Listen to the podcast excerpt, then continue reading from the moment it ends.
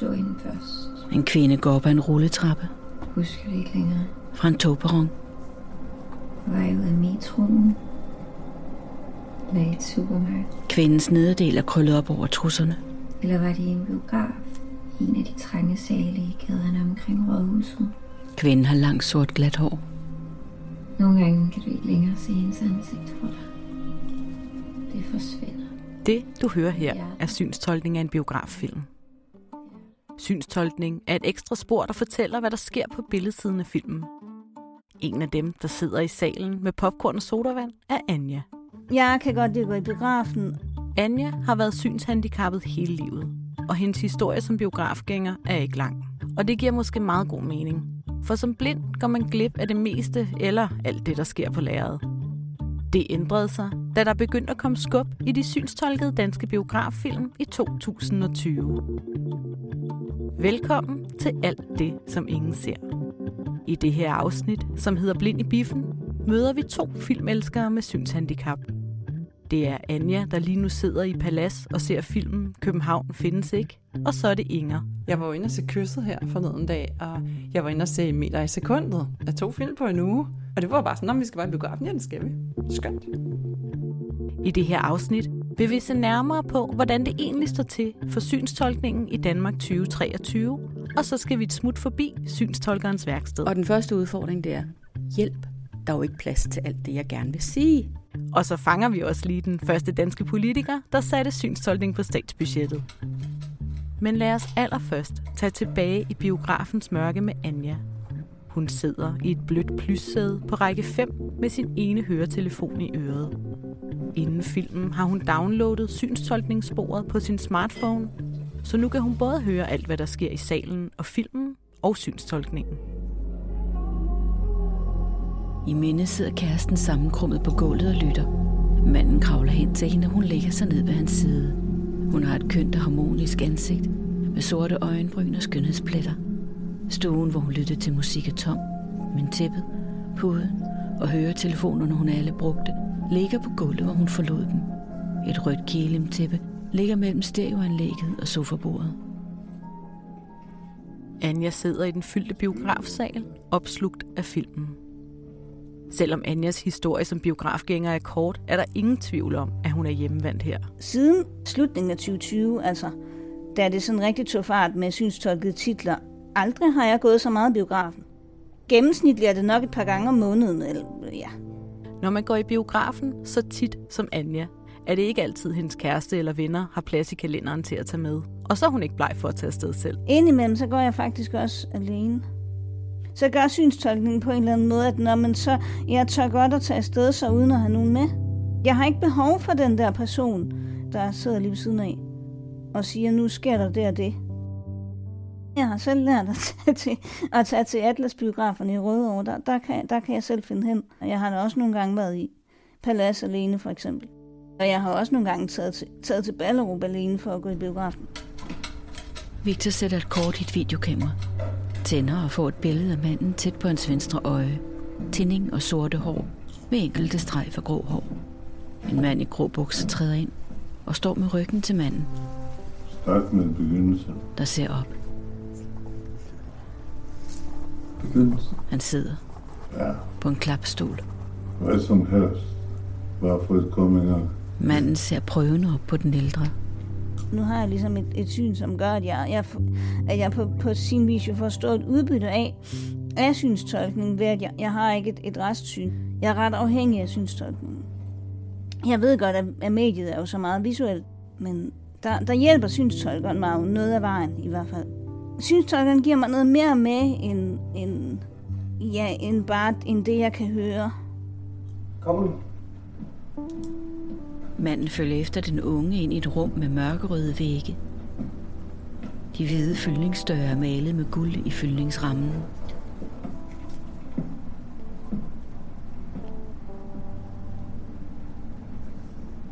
Imens Anja synker længere ned i det bløde plyssæde, forlader jeg Palas Biograf og tager retning mod synstolkerens værksted. Jeg kender Palas Biograf godt. Faktisk havde jeg min allerførste biografoplevelse her. Jeg havde normalt syn som barn, og jeg var taget ind for at se tegnefilmen Landet for længe siden med min moster og kusine. Jeg var nok lidt for lille til at se den, for jeg kan huske, at på et tidspunkt blev den for uhyggelig, og min moster måtte følge mig ud af salen.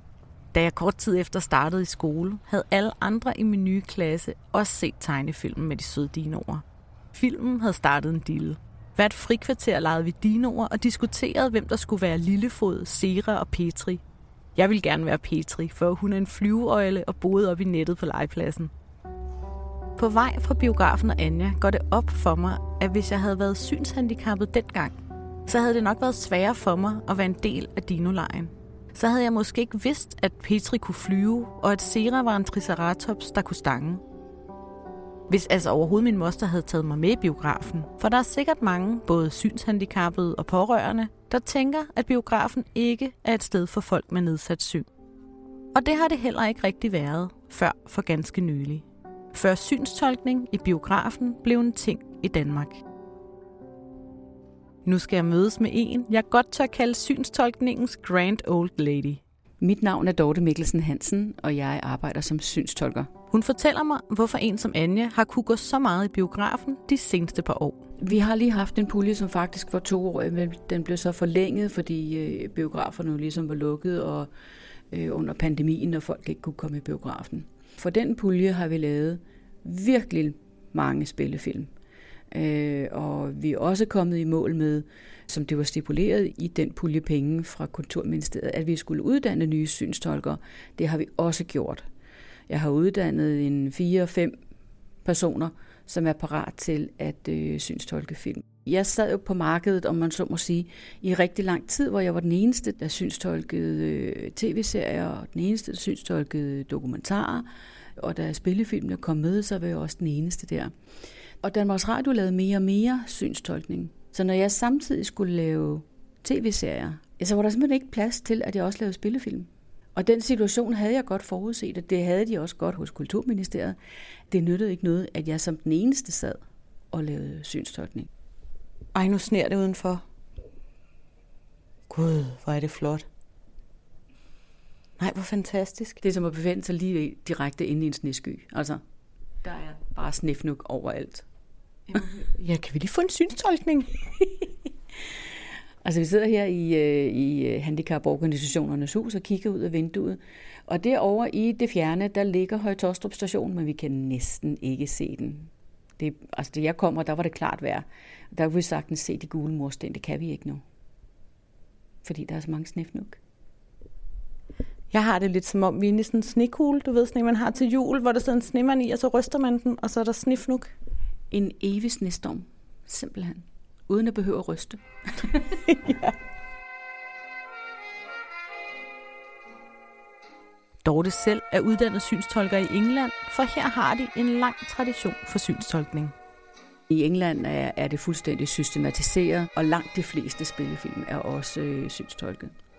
Øh, og den tv-serie, der hedder Coronation Street, den har kørt øh, siden ja, 60'erne, og været synstolket lige så længe. Så i England begyndte de at synstolke i 60'erne, og i Danmark der var vi oppe i nullerne? I hvert fald 40 år siden, at de begyndte at synstolke. Ja. Øhm, I Finland har de en model, der hedder, at hvis en øh, film får, får støtte fra, øh, fra det finske filminstitut, så skal den også være synstolket. Og det var da en model, øh, øh jeg synes så glimrende om, da jeg hørte om den, at det var da en glimrende idé at sige, ja selvfølgelig. Får den i forvejen støtte fra, fra Filminstituttet, offentlig støtte fra, øh, fra Kulturministeriet, eller hvor pengene nu kommer fra, jamen så giver det jo mening, at den også er gjort tilgængelig for en af de store handicapgrupper, vi har i Danmark. Så hvis en produktion får filmstøtte fra Filminstituttet, så skal der være en sum penge oveni til at synstolke den for. Så det er fra politikerne, at synstolkningen skal komme?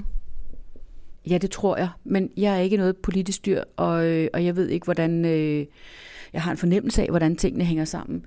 Men ja, jeg tror ikke, at der er nogen vej udenom. Jeg kan ikke se det hænge sammen på anden måde, end at pengene skal komme fra Kulturministeriet. Kulturministeriet har i hvert fald bedt dig om at uddanne nye synstolkere. Jeg tror, det var i juni i øh, forsommeren, at, øh, at vi samlede en flok mennesker i et øh, mødelokale. Og jeg var parat med alle mine klip, og jeg havde sendt øh, øh, filmstumper ud til, til kursisterne, som de kunne øh, forberede sig på. De kunne selv vælge nogle film, de gerne ville arbejde på. Og der stødte de jo på den første udfordring. Og den første udfordring, det er, hjælp, der er jo ikke plads til alt det, jeg gerne vil sige. Nej, det er der ikke. Fordi vi lever med en begrænsning, der hedder, at hvis en skuespiller taler, så kan vi ikke også tale. Det er ligesom at sidde mellem svigerforældrene, der begge to gerne vil tale til en. Og, og så hører du ikke, hvad nogen af dem siger, fordi de taler i munden på hinanden. Ikke? Så vi kan ikke tale i munden på skuespillere. Vi kan ikke så meget som gå et myhår ind over en replik. Og det er altså den store kunst i synstolkning, det er at kunne begrænse sig og formulere sig exceptionelt kort. I mit manuskript, den øh, skabelon, jeg arbejder med, der er der plads til to sekunders tekst på en linje. Og når man så ligesom har fanget det og kan sige, okay, jeg skal ind her, og jeg skal ud der. Og det vil sige, at jeg har fem sekunder til at fortælle det, jeg gerne vil fortælle, så har jeg maks to og en halv linje at fortælle det på. Hvad er de sværeste film og synstolk? Det ved jeg faktisk ikke engang. Hver film har et eller andet nyt. Nogle film øh, er der ikke ret mange replikker i. Så skal man virkelig grave dybt i ordforrådet og finde ordene til at beskrive, hvad der sker. Fordi der sker altid noget. Det, der kan være rigtig svært, det er så også, hvis der bliver talt hele tiden.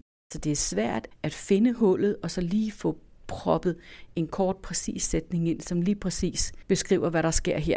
Så kan det være vanskeligt, fordi der foregår noget på udenlandsk. Det kan være vanskeligt, fordi der er mange høje lyde, hvis det er en actionfilm med jagtscener, og øh, det kan være vanskeligt, hvis det er sådan en som øh, forbrydelsen, hvor det hele er bare mørkt, og man ikke kan se en pind alligevel. Jeg husker i, øh, netop i forbrydelsen stødte jeg på, at det var så mørkt, og det var så dunkelt, at, at jeg løb tør for ord, der beskrev mørket. Så skrev jeg til min øh, veninde, som også er synstolker, og øh, så sendte hun mig en mail tilbage med øh, tre meget lange linjer med ord, der beskriver mørke. Og så lærte jeg at bruge synonymordbogen. Om man siger, det regner, eller man siger, det står ned i stive stænger. Mm. Det er jo det samme, man beskriver, men der er jo enormt stor forskel på, hvad det i virkeligheden er, man siger.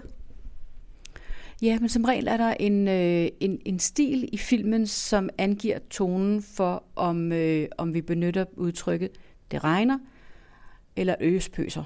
Og, og det er angivet af den stil, vi befinder os i, om det er en børnefilm eller en voksenfilm for et øh, plus 60 segment. Det angiver ligesom, hvor vi er henne og hvilke typer ord vi kan benytte. Da jeg lavede øh, julekalenderen Tidsrejsen, der flyttes handlingen til 1984. Der var jeg selv ung. Øh, og det glæder mig meget, at øh, der blev åbnet for Kim Schumacher-sproget, fordi det betød, at der så der er en guitar, så kan jeg kalde den for en kodylspade. Fordi der blev åbnet for det sprog. Hvis ikke der var åbnet for det i filmen, så havde jeg ikke kunnet bruge det. Så på den måde, så lader jeg mig lede af, hvad der foregår.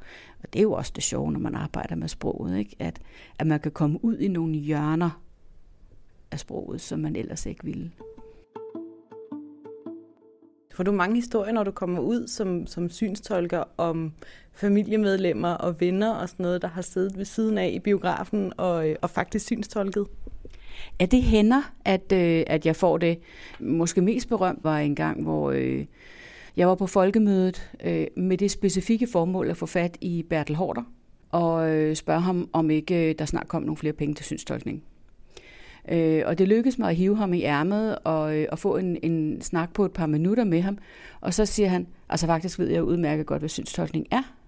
Fordi min far var jo blind og teateranmelder. Så øh, min mor sad ved siden af ham og viskede ham i øret og fortalte ham, hvad der skete. Og så gik han hjem, og så skrev han sin anmeldelse. What? Okay, det er en lidt vild historie. Det bliver altså nødt til at undersøge. Jeg ringer til Bertel Horter. Det er Bertel. Hej Bertel, det er Lucy Finde fra Dansk Blindesamfund. Ja, Altså, jeg, jeg sidder jo i lufthavnen, og jeg, jeg har ikke andet at lave, så det passer fint. Ej, hvor perfekt. Så, øh, så kan du have lidt tid til os. Det er jeg simpelthen så glad for. Det vi har hørt, det er, at din far var teateranmelder og mistede synet, og så fik han teaterstykkerne synstolket af din mor, som simpelthen altså, viskede ham i øret. Det var min morfar, som var teateranmelder, og som havde min mor med. han skulle, så hun kunne forklare, hvad der foregik på scenen. Så, så din mor sad simpelthen ved siden af din morfar og, øh, og viskede ham i øret, hvad der foregik? Det gjorde hun ved mange lejligheder, og derved kom hun jo til at opleve en hel masse teater, og det kom til at præge mit hjem.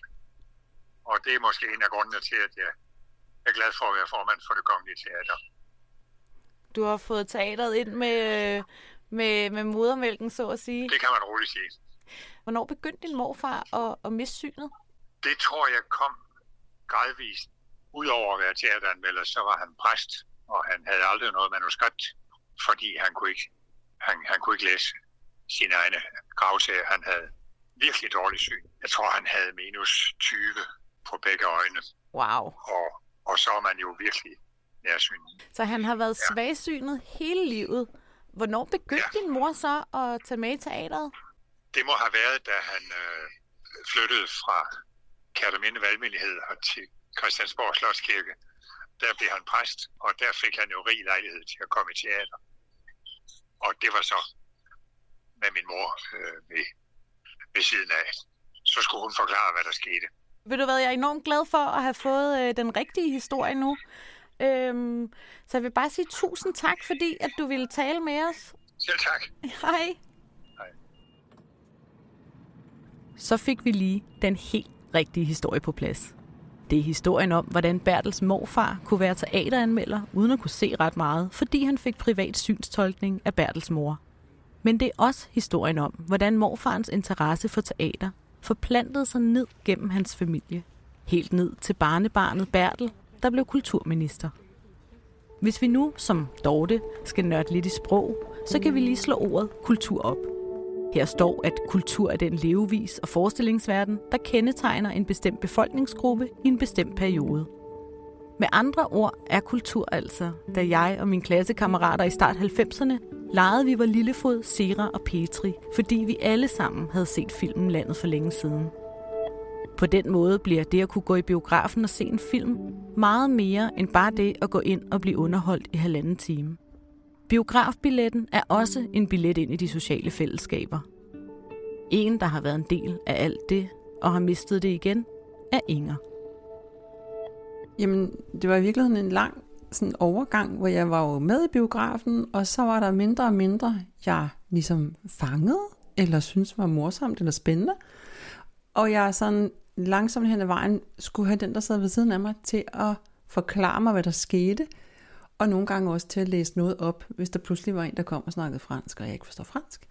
Så det var sådan lidt, og så var der en lang, lang periode, hvor dem, der sad ved siden af mig, så skiftedes til at viske mig i øret egentlig sådan synstolkningen. Det fandt jeg jo så ud af bagefter. Det var noget af det, de havde gjort.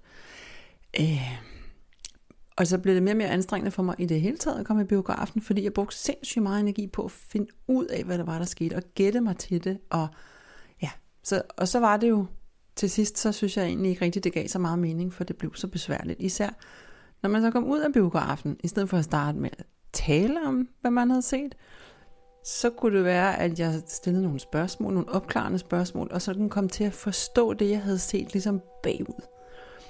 Øhm, og så gik krudtet med det, og så var det nogle gange, at så længe snakker man måske heller ikke om en biograffilm, og så gik vi videre med at spise eller noget andet. Ikke? Så på den måde. Jeg kan jo huske den der følelse af whatever, hvor jeg, hvor jeg ligesom ikke engang gad at følge med, hvor jeg sådan gav op. Og bum, så var der noget, der eksploderede, så var der noget, der eksploderede, så var der en, der sagde noget, og det kunne jeg ikke finde ud af, hvem var. Og der følte jeg den der, jeg kan bare huske den der distancering. Altså, nå. Og så gad jeg jo ikke gå ind og se dem mere.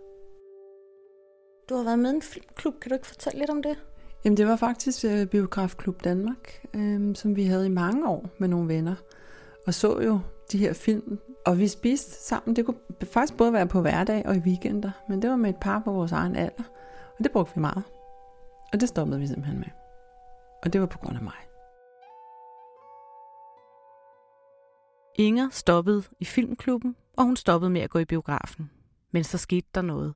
I 2020 afsatte Kulturministeriet en pulje på 2 millioner kroner til synstolkning af danske biograffilm. I praksis betød det, at Inger kunne gå i biografen flere gange om måneden. Altså jeg var også inde og se druk. Det var en af de der, som alle mindte noget om. giga oplevelse. Der, der var så meget power i den film, og den der den, den historie, der så også kom med, det, det, det, den store tragedie bag den, og det var jo bare sådan en, der fyldte på alle mulige måder i medierne og hos folk, og folk så den, og nogen synes, det var god, nogen synes ikke, den var god. Men man, jeg var med, og jeg, havde med, og jeg, kunne, jeg kunne sidde der og bare nyde den. Har synstolkning givet dig noget tilbage, du havde mistet? Ja, klart. Altså, fornøjelsen ved at gå i biografen, og også den der roen. Og den der, ja, måske også den der endnu en lille ting, hvor jeg kan føle mig sådan på lige fod med andre. Skal vi gå i biografen? Ja. Skal vi se den der? Ja, det kan vi gøre. Og så kan vi ud igen. Var den god? Ja, det var den der. Eller det var den ikke. Ja, lige værd. Det synes jeg faktisk er det vigtigste. Lige værd og, og glæden ved det. Ja. Nogle gange så er der nogen af gamle vaner, der siger, Nå, det der, det var ham. Jamen, det ved jeg godt. Nå. Og det har jeg faktisk oplevet på gangen med min mand. Han sådan, det er jo, øh, jamen, det ved jeg godt. Nå.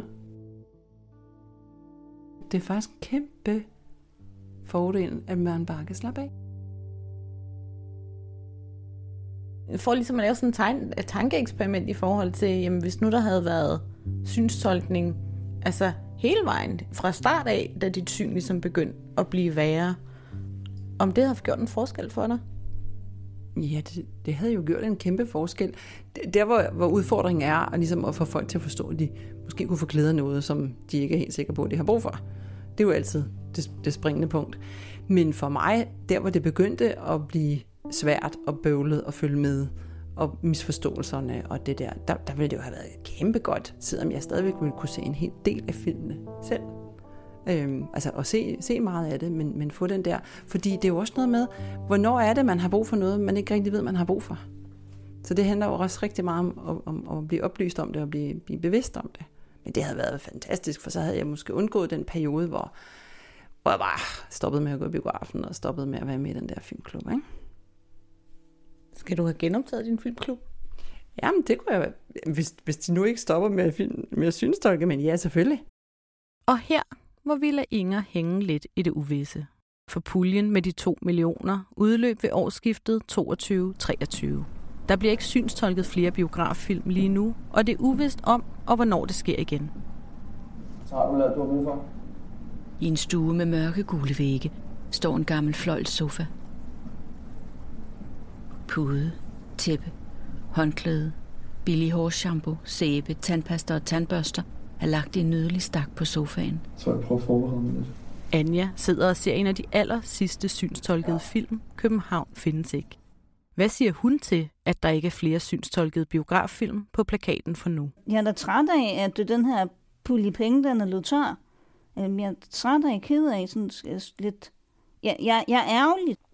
Lige forløb i hvert fald, så kommer der ikke flere synstolkede film, jo.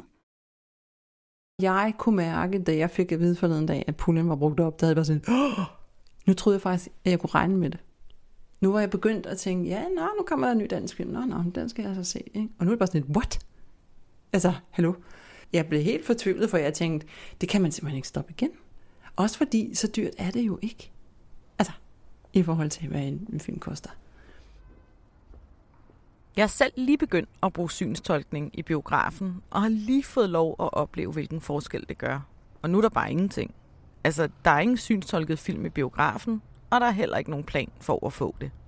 Hvis vi skal have en løsning som den i Finland, hvor film, der får statsstøtte, bliver pålagt at blive synstolket, så skal vi have politikerne fra Christiansborg indover. De skal forhandle et nyt filmforlig, som er gældende fra januar 2024. Men vi ved ikke, hvornår forhandlingerne finder sted, eller om synstolkning overhovedet er en del af dem. Fortsættelse følger forhåbentlig. Jeg er ved at lære, at man som synshandicappet må væbne sig med en del tålmodighed.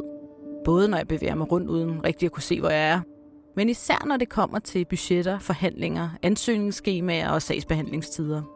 Det er faktisk en af de mest nederen ting ved at miste synet. Derfor synes jeg også, at det er vigtigt at se på de ting, der ikke er nederen ved at være synshandicappet. Måske er der ligefrem fordele. Vi skal videre til månedens jahat. Indslaget, hvor du kan ringe ind og fortælle om en frønsegode ved at være synshandicappet. Vi udlodder en alt det, som ingen ser jahat, så ring ind til os på telefonnummer 38 14 88 46. Indimellem øh, er der fordel ved ikke at kunne se noget. Denne måneds ja-hat går til Christian. For eksempel, når man tidligt på aftenen er mødt op til et festligt arrangement og skal fordele opgaven med at køre hjem. Der kan man som regel altid sige, den går ikke, kammerat. Jeg melder ud. Og det er praktisk, når man som Christian slog sine ungdomsfolder langt fra København, hvor han bor nu. Jeg er jo født og opvokset i det jyske, hvor afstanden nogle gange fra bar til bolig godt kan være lidt større. Og når man har en særlig forkærlighed for IPA-øl. De er dejlige øh, bitre, og det er jo øh, lidt ligesom jeg er nogle gange, hvis øh, det ikke går så godt for Liverpool. Så det går hånd i hånd indimellem. Tillykke til Christian, der har vundet alt det, som ingen ser ja-hat. Du kan også vinde en. Ring til vores telefonsvarer på telefonnummer 38 14 88 46. Du har lyttet til alt det, som ingen ser. En podcast produceret af Dansk Blindesamfund.